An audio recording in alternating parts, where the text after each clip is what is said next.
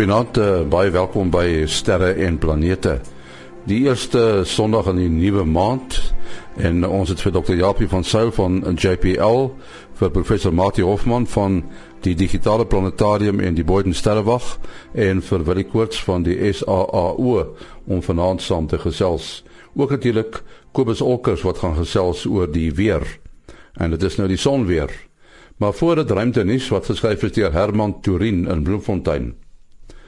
Twee bemanningslede van die internasionale ruimtestasie het reeds ver gevorder met die lê van nuwe kabels aan die buitekant van die tuig.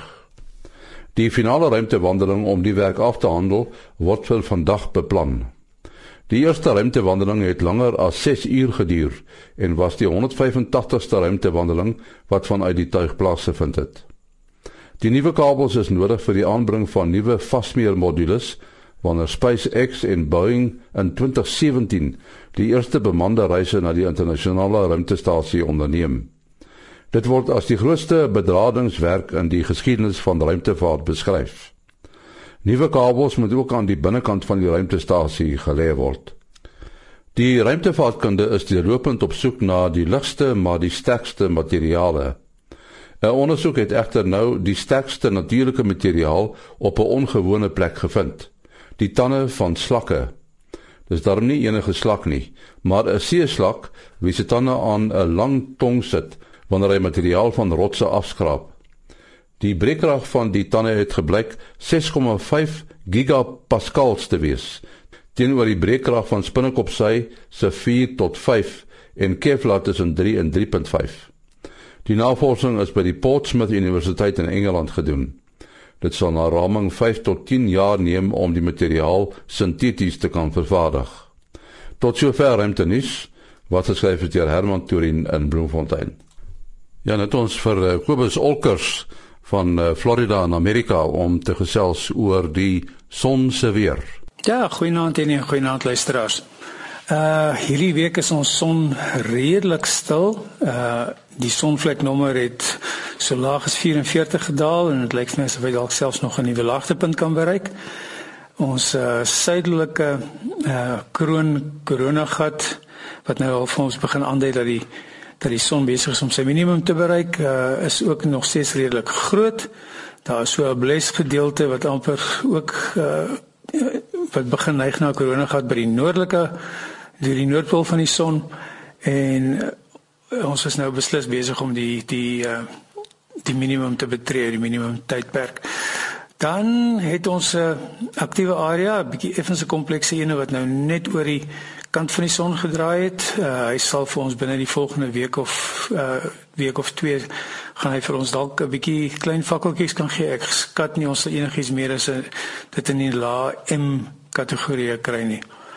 Uh dan het ons uh drie redelike stewige uh nie baie lank nie maar redelike uh, prominente uh filamente. Ehm um, die enetjie wat nou begin geo-effektief raak kan dalk 'n hydervakkel veroorsaak en dit beteken dat ons uh dat ons 'n bietjie versteurings gaan kry in die in die aarde se magneetveld en ehm um, dit kan vir ons 'n bietjie invloed gee met ons internet en met ons uh, landkommunikasie. Natuurlik ook soos altyd maar met die langafstand frekwensie, uh, hoë frekwensie kommunikasie. Dan het ons drie klein koronagaatjies wat uh, op die oppervlakte van die son is. Nie een van hulle is is baie groot nie, maar ja, ons het twee wat nou op die omgewing effektief is. Ehm um, dit kan die die sonwind 'n bietjie verhoog en dit lyk asof die linker een van die twee 'n negatief gerig is en dit kan natuurlik die aarde se magneetveld 'n bietjie swakker maak. As ons dit nou die daardie swakte kry saam met 'n ehm um, saam met 'n hydervakkel wat van die filament afkom, dan kan ons 'n bietjie magnetiese steurings hier op aarde kry. So, dit is dit vir hierdie week. Uh, Kobus, jou besonderhede? Dis uh, Kobus Olkers by gmail.com. K O B U S O L C K E R S by gmail.com. Kobus Olkers in Florida, Amerika. Dit is al uh, weer tyd om te gesels met ons span. Uh, ons span is uh, professor Mati Hofman van die Universiteit van die Vrystaat, die Boyden Sterrewag en die Digitale Planetarium. Dan is daar uh, Dr. Jappie van Sail van die Jet Propulsion Laboratory in uh, Pasadena, Kalifornië. En ons het ook vir uh vir baie koers van die Suid-Afrikaanse Astronomiese Observatorium. Uh ja, ek wil met jou begin soos ons gewoonlik begin uh as ons uh, met jou praat. Die naam, die Jet Propulsion Laboratory. Ek dink as iemand die naam hoor en en hy dink daaroor aan, dan sal hy nou dink dis dis 'n plek waar hulle uh, uh, spite engines ontwikkel. Jy weet jet propulsion. Hoe die plek ontstaan? Ja, en dit is nogal heel interessant. Ehm uh, die plek het ontstaan in 1936. Uh daar was 'n klompie studente by die uh, Caltech kampus wat besig was om te probeer fuel engines te ontwikkel. En uh hulle daar nou allerhande goed gemeng om te sien watter ding uh, ontplof nou die beste. En toe hulle volgens die die uh legendes het hulle um so 'n soort van 'n buitegebou opgeblaas per ongeluk daar op die kampus. en toe het die uh lawyers hulle verbied om verder op die kampus met die goeders te werk. En hulle is toe gestuur hierna waar ons nou vandag is so ongeveer uh 8 km van die kampus af. Uh, wat op daai stadium heeltemal in die buitewyke van die stad was. Hulle is toe nou te verban om hulle hulle eksperimente hier te kon doen sodat as iets ontplof dat niks nou uh, iemand sou kon seer kry. So ja, daardie vyf studente het toe begin wat uh, bekend geraak het as die Jet Propulsion Laboratory. Maar wat is baie interessant is hulle het al die naam sê Jet Propulsion het ons in die hele geskiedenis van uh, JPL nooit uh vliegtuig engines gebou. Die naaste wat ons daaraan gekom het was in die Tweede Wêreldoorlog wat ons die sogenaamde uh jet assisted take-off bottles vir die vir die uh, Amerikaanse vloot ontwikkel het. Nou dit was sulke goed wat hulle onder aan die vliegtuie vasgebou het en, en dan was dit basies 'n klein um fuel engine wat die uh, die uh, vliegtuie gehelp het om dan van korter uh, skepe af te kon opstyg. So dis die naaste wat ons ooit gekom het aan vliegtuig engines. Nou, die mense vra baie keer van ons nou hoekom het hulle dan jet propulsion genoem en nie rocket propulsion nie, want dit wat dis wat julle eintlik gedoen het. Die storie is dat in 1936 het die ouens gedink rocket propulsion is klink klink te veel na fiksie. So het hulle ons van jet propulsion, maar toe die vliegtuig engines is net te besig om te ontwikkel tot los maar jet propulsion genoem in plaas van rocket propulsion. Maar daai naam het nou maar gebly. So al die jare nog was ons bekend as die Jet Propulsion Laboratory ons nog nooit 'n uh, vliegtuig engine ontwikkel.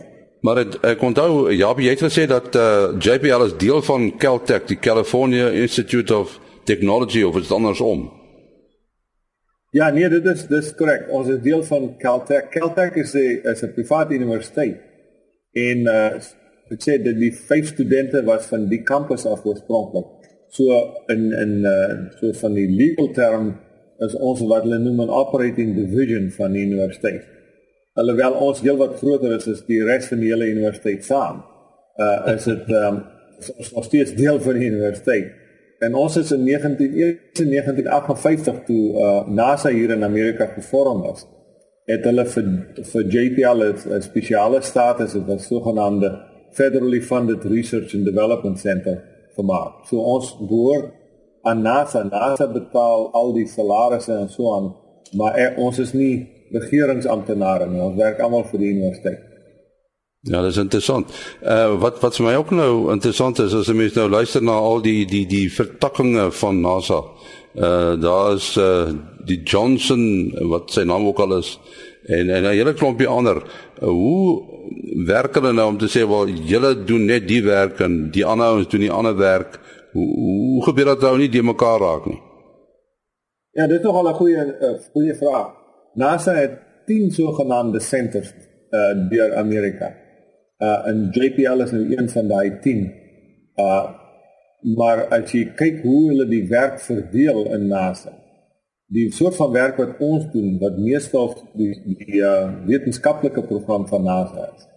Dit is so ongeveer 1/3 van NASA se begroting is wetenskaplike werk. En uh, JPL is soort van die helfte van daai uh, amper 1/3 van van die uh, begroting van die uh, wetenskaplike afdeling. en die word deur kompetisie gedoen. Hulle jy moet uh uh jy moet proposal skryf en so aan en dan moet jy dan keer hulle die goeders uh kies hulle die beste een en dan kry jy die kans om dit uh dan te implementeer. Maar in geval van goeders soos die groot uh um sendings wat ons na na die uh, planete toe stuur. Die word gewoonlik aan die sent aan die maar sê een van die senters wat die wat die regte ondervinding het en JPL is die enigste een daarvan. So al die groot um, sendings wat na die ander planete toe gegaan het, het is deur JPL gedoen. Ja, en dis 'n uh, is dit SpaceX ook nou bygekom en hy's nou nie deel van NASA nie, né? Ja, SpaceX is is, is, is 'n baie nuwe verskynsel hier in Amerika waar waar mense uh, maatskappye stig wat spesifiek um uh, 'n deel van die werk wat NASA altyd vir, voor verantwoordelik was uh wil doen. En dit is natuurlik goeie nuus vir ons want dit beteken NASA hoef dan nie die uh, hele infrastruktuur in die gang te hou om die soort van goeders te doen nie. Uh SpaceX het nou 'n nuwe het nou ingekom in 'n hele nuwe manier hoe hulle die vuurpyle bou en so aan wat die uh die moontlikheid inhou dat in die toekoms vir ons dit sal goedkoop wees as hy onder die Space SpaceX vuurpyle kan begin koop om uh, om ons goeder goeder goedkoper te kan lanseer in in die toekoms. En en dan nou samewerking met 'n organisasie soos ESA. Uh, dit geskied seker voortdurend. Ja nee, dit is gedurig werk ons saam met ESA, ons werk saam met die, Japaneese. Uh, uh ek het nou net gekom van Indië af, ons het 'n uh, um, 'n nuwe ooreenkoms tussen NASA en die, die uh ruimteagentskap van Indië dat ons saam gesamentlike satelliet in 2020 sal lanseer. So ons werk gedurig met met van die uh, ander lande se ruimteagentskappe saam. Die enigste een wat ons volgens wet nie mag saamwerk tussen NASA en 'n ander land is is China.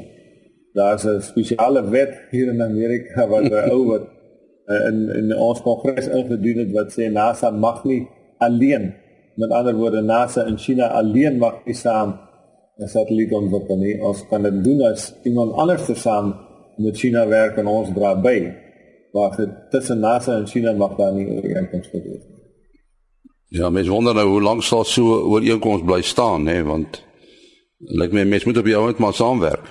Ja nee, kyk die hierdie soort van uh, die rente besigheid is baie duur uh en in die, in die toekoms maak dit nie sin om uh, sekere lande so uit te sny.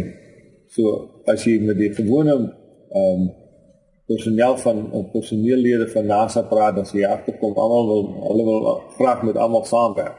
Maar nou ja, jy weet uh politicians dink altyd 'n bietjie anders. ek neem aan in die in die dae van die Koue Oorlog uh ek ben samewerking met Rusland was seker toe ook ook nie toelaatbaar nie of uh, was dit ook ooit met met so reël uitgeskryf of of, of hoe het Rusland het saamwerking met Rusland ek meen dit self gedwing op die ou ou end en die internasionale ruimtestasie is is 'n groot voorbeeld van uh, samewerking daar maar dit, dit sal dit interessant wees op minne op neem op 'n stadium was Rusland ook nie flavor of the month geweest Nee, dit is interessant. Uh, Rusland, daar was natuurlik die koue oorlog en uh jy weet uh, uh almal het in die in die openbaar uh, mekaar sleg gesê en so aan, maar agter die skerms het Amerika en, en Rusland altyd saamgewerk. So dis een van die interessante dinge. Ons het nooit die reël gehad uh teen Rusland. En selfs vandag, nou met al hierdie goeders wat aangaan uh word daar nog steeds tussen NASA en die Russiese ruimteagentskap redelik saamgewerk. So dit is dit is 'n baie interessante deel ding dat dit so anders ter is met China. Ek weet nie uh die ouer nou seker maar net nie baie van China gehou nie, sê hy, want die die wet hier gesê. en terwyl terwyl ons nou op die op die onderwerp is uh hierdie hierdie doemprofete, dis mos altyd NASA wat die skuld kry vir dit en NASA het so gesê en NASA het dat gesê. Nou ja, NASA doen baie van die goedes glad nie wat die mense aan hulle toedig natuurlik nie. Maar ek neem aan daar is 'n daar is 'n afdeling wat wat suiwer wetenskap dan nou ook doen en en sterkkunde en so aan ook as jy net 'n uh, ruimte tye en ruimtewetenskap nie. Ja, ons het 'n redelike sterk ehm um, wat hulle noem basic scientific research program hier in, in NASA. Uh dit is uh you know astrofisika en uh so aan wat hulle uh geld gee, maar dit is interessant alhoewel dit aan NASA die van die die fondse verskaf. Meeste van die werk word by universiteite gedoen. So uh, daar's nou 'n groot debat hier aan die gang van hoeveel wetenskaplikes het NASA homself werklik nodig? Hoekom kan ons nie net die ouens by die universiteite gebruik? En dit is natuurlik 'n bietjie van 'n verskil want as die die wetenskaplikes by NASA is ouens wat uh die uh vir ons die wetenskaplike sal ek nou sê die wetenskaplike oë is op ons sendings. So dis dit vat 'n bietjie anders vir wetenskaplike om uh, vir jou te die die sal ek maar sê die dinge te prioritiseer wat ons moet doen met die met die uh, uh, met ons sending en en watter dinge ons meer moet uh, uh, beklemtoon en so aan as wanneer jy normaalweg vir 'n ou wat basiese navorsing doen by die universiteit uh, die fonds gee. Maar jy het albei nodig. Dit is 'n interessante ding dat daar nou so 'n debat hier aan die gang is omtrent die. Maar dit is meer in die konteks van 'n uh, kleiner daar is ouens wat die, sê die regering is te groot, daar's te veel uh, regeringsamptenare so en dan moet nou minder geld vir vir die regering ouens betaal. Ja, nee, ek het so twee tong in die kies vra vir Japie. Uh, ek kan dalk eerstens oorweeg dat Suid-Afrika die derde vennoot saam met Amerika en China is vir die ontwikkeling van 'n satelliet. Ons kan dalk net waar daarbey om met die twee groot reëse saam te werk en dan nou tussen die die personeel direk in diens van uh of die wetenskaplikes direk in die diens van NASA en die in die diens van universiteite maar wat vir NASA se projekte werk is sou 'n belangrike vraag wees wie het die minste vorms om in te vul om te weet watter weg jy moet gaan uh, want elke soort stelsel het seker maar ongelukkig sy soort van bureaukrasie uh sonder nog op baie keer of ander plekke se bureaukrasie veel erger of veel minder is as wat 'n mens self aan onderworpe is baie keer. Ja nee, dis uh, dis soos hulle hier sê, jy weet ons sê mos altyd die gras is groener aan die ander kant van die draad. Uh almal dink altyd die ander ouens het minder probleme as jy. Uh maar in hierdie geval kan ek vir eerlik sê dis ons hier by JPL het ons natuurlik 'n groot voordeel. Ons is deel van 'n universiteit, so ons is nie regeringsamptenare. So ons het 'n bietjie minder van hierdie vorms so goed wat ons moet invul as die as die res van die NASA ouens. Ja, ek dink hulle sal maar almal graag wil liewer te lewe soos universiteitsouens as as om al daai ehm um, reëls en regulasies van die regering te hê.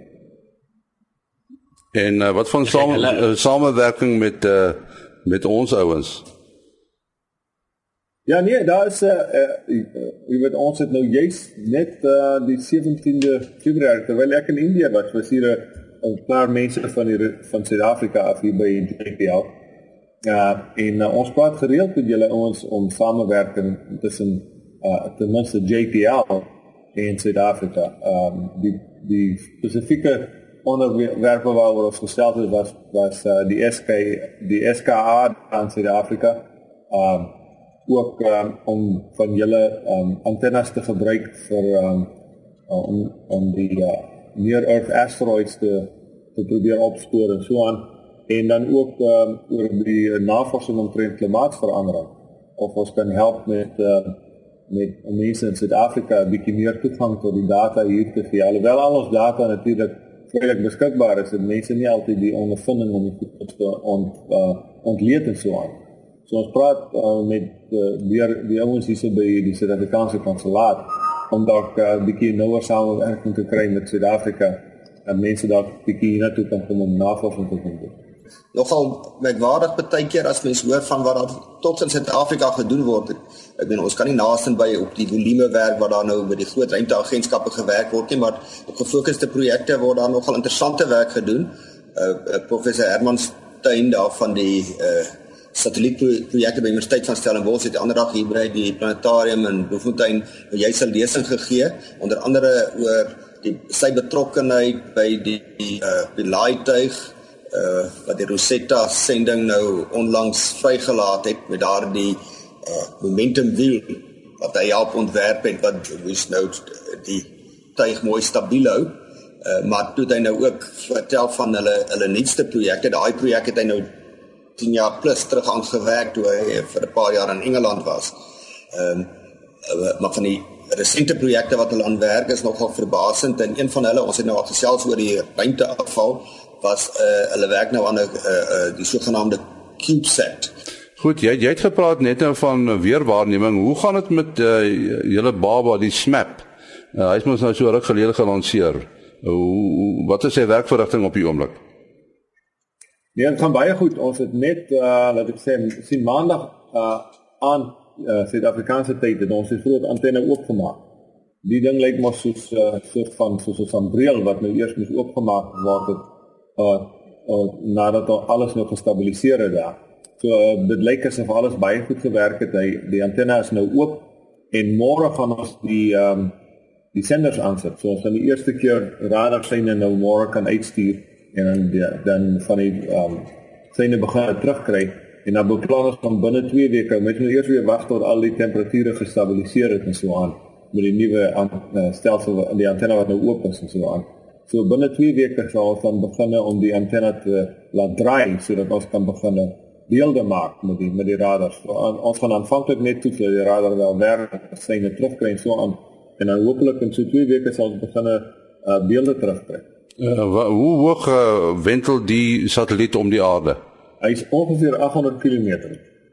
Ons is nog nie by die finale baan nie, maar is baie naby aan 800 km. Nou, dit is nou tamelik hoër as die meeste, is ek reg? Ja, ons het uh, dit uh, die die baan is gekies omdat ons uh, elke 3 dae die aarde wil um, volledig uh, kan sien. So um, dan moet jy ook nog maar die die uh, hoogte kies wat jy kan kry as gevolg van hoe groot 'n area jy kan uh, op 'n op 'n slag uh, sal ek maar sê beelde van neem en so aan. So dit nou maar net so uitgewerk. En dan net uh, jy iets uh, kort oor die Dawn satelliet wat nou nader aan uh, aan Ceres kom. Wat is die status daar, Japie? Nee, daar is dis 'n baie interessante ding. Uh, Dawn het ons gelanseer oorspronklik uh in uh, uh 2007 as ek reg onthou. Uh nou die die sending het 'n spesiale engine, sogenaamde ion propulsion aan. En toe ons eers na Vesta toe gegaan. Vesta is die tweede grootste asteroïde in die sogenaamde main uh belt. En hy is aan die kant nader na Mars toe. So toe ons om hom gewentel vir 'n ruk en toe ons nou weer die engines aangesit en daarvan af weggevlieg en nou die 6de Maart kom ons uh by Ceres aan. Ceres is die grootste asteroïde in die belt. Hy is nader aan die kant van Jupiter. So ons gaan nou die 6de daar aankom. Dit lyk soos of dat ons nou nader kom in die foto's wat ons al geneem het van Ceres, asof daar 'n uh, hele paar sulke baie helder nou sal ek maar sê kolle op die op die dwergplaneet is. Wat nogal baie interessant vir ons lyk. Ons het ons is nog ver genoeg dat ons nog nie die sal ek maar sê genoeg details kan sien om te presies te sien wat van aan in die in hierdie baie helder areas nie. Maar dit sal nou baie interessant wees as nou nader kan kom. So dis die eerste keer wat ons nou die ding so na, van naby kan sien. En dis natuurlik die eerste dan is die eerste uh, sending wat van die aarde af gelanseer het en twee verskillende voorwerpe werk in die sonnestel sal gaan uh, om hulle gaan wentel. Dis die eerste maal wat ons dit kon doen en dit is omdat ons hierdie spesiale engines die, die ion engines op hierdie sending het. Hoe, hoe presies werk hierdie ion engine? Want dit is basies jy uh, het 'n um sal ek maar sê 'n propellant, 'n vloeistof. Um die die brandstof is uh uh partikels wat jy kan ioniseer en dan sit dan sit die jy 'n groot elektriese veld. En as die uh, partikels nou word dan deur die elektriese veld versnel en dis hoe jy dan nou uh die blaas maar hierdie partikels uit die engine uit en uh, jy doen dit met die elektriese krag dis waarom dit partykeer ook electric propulsion genoem word. Die uh, ja uh, nee ek sou net graag daarby Japie weet hierdie partikels is dit nou uh dit as so groot soos stofdeeltjies of is dit nou meer hier op die molekulêre atomiese vlak uh want jy moet dit tog 'n uh, noemenswaardige teenreaksie kry, jy moet daarmee 'n sekere redelike massa kollektief uh, na die inrigting toe versnel. Ja, as ek uh, dit dis waar. Dit ek weet nou kan nie meer presies onthou die spesifieke engine op Dawn nie. Maar meeste van die engines wat ons gebruik hierso, met die ion engines is uh, is die die uh deeltjies is 'n paar mikron in deursnit. So jy sprei so 'n soort van 'n uh, is amper soos 'n sproei wat jy maak. Ek neem aan die die, die partikels word dan teen 'n tamelike hoë snelheid uit die enjin uitgegooi sodat jy daarom voorwaartse snelheid kry uiteindelik.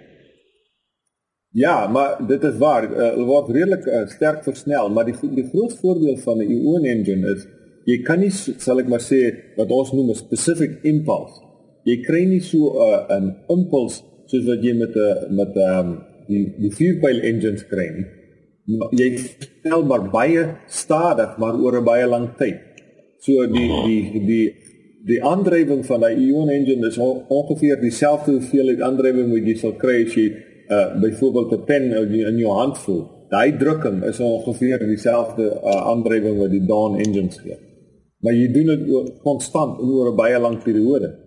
So as jy al versnel jy nou so binne op op uh, enige in oomblik kan jy oor 'n lang periode uh, periode kan jy die uh, die satelliet redelik baie versnel weet eh uh, Don gaan nou ook in 'n jy gesê in 'n wentelbaan om Ceres. Nou ek het twee vrae daar. Eerstens dit wat gaan die tipiese afstand wees? Gaan dit baie varieer? Dit soort van 'n elliptiese baan en dan eh uh, kan jy die uh, ons sê die rigtingverandering met jy kan dit seker dan nie met die ion motor doen nie. Daarvoor jy dan seker die meer konvensionele uh, vierpyl meganismes nodig. Uh nee, ek uh, om die waarheid te sê, ons doen alles met die ion engines uh, op hierdie op hierdie geval. Nou wat ons doen is ons gaan eers in 'n redelike hoë baan. Dan so jy 'n redelike afstand van die planeet in hierdie geval die dwarfplaneet Ceres af. En dan ehm um, van ons later uh, soos ek gesê het, jy kan redelik lank versnel, maar jy kan nie verskriklik baie op 'n 'n kort tydjie versnel nie. So ons gebruik nou maar eers die die hoë baan sodat jy net so baie energie nodig het om om in daai baan in te gaan nie. Dan doen ons nou so van sal ek maar sê jy kyk nou maar van ver af hoe die ding lyk en jy doen die soort van uh studies eerste en dan sak ons ons het dit beste ook gedoen. Uh op die beste is dit uh, uh ongeveer 100 km of so bo kan die oppervlakte vir 'n ruk lank gewentel. En dan styg jy nou maar stadig maar seker weer op uh om om die plek te verlaat. En dit vat 'n paar maande om so in die baan om die ding te gaan uh tot jy op die regte hoogte is. So aanvanklik gaan ons in baie hoë baan 'n paar honderd kilometer wees en dan gaan ons uh afsak uh en ek uh, dink as ek reg onthou gaan ons ook weer in die omgewing van 100 km 100 tot 150 km se reg van daar. Uh hoe kan die oppervlakte wees? Nou ja, ongelukkig moet ons uh, daar halt roep. Uh Japie, jou besonderhede? Uh japiejpl@gmail.com. En uh Mati? Uh selfoonnommer 0836257154. 0836257154. En dan Willie. Ja, 0724579208.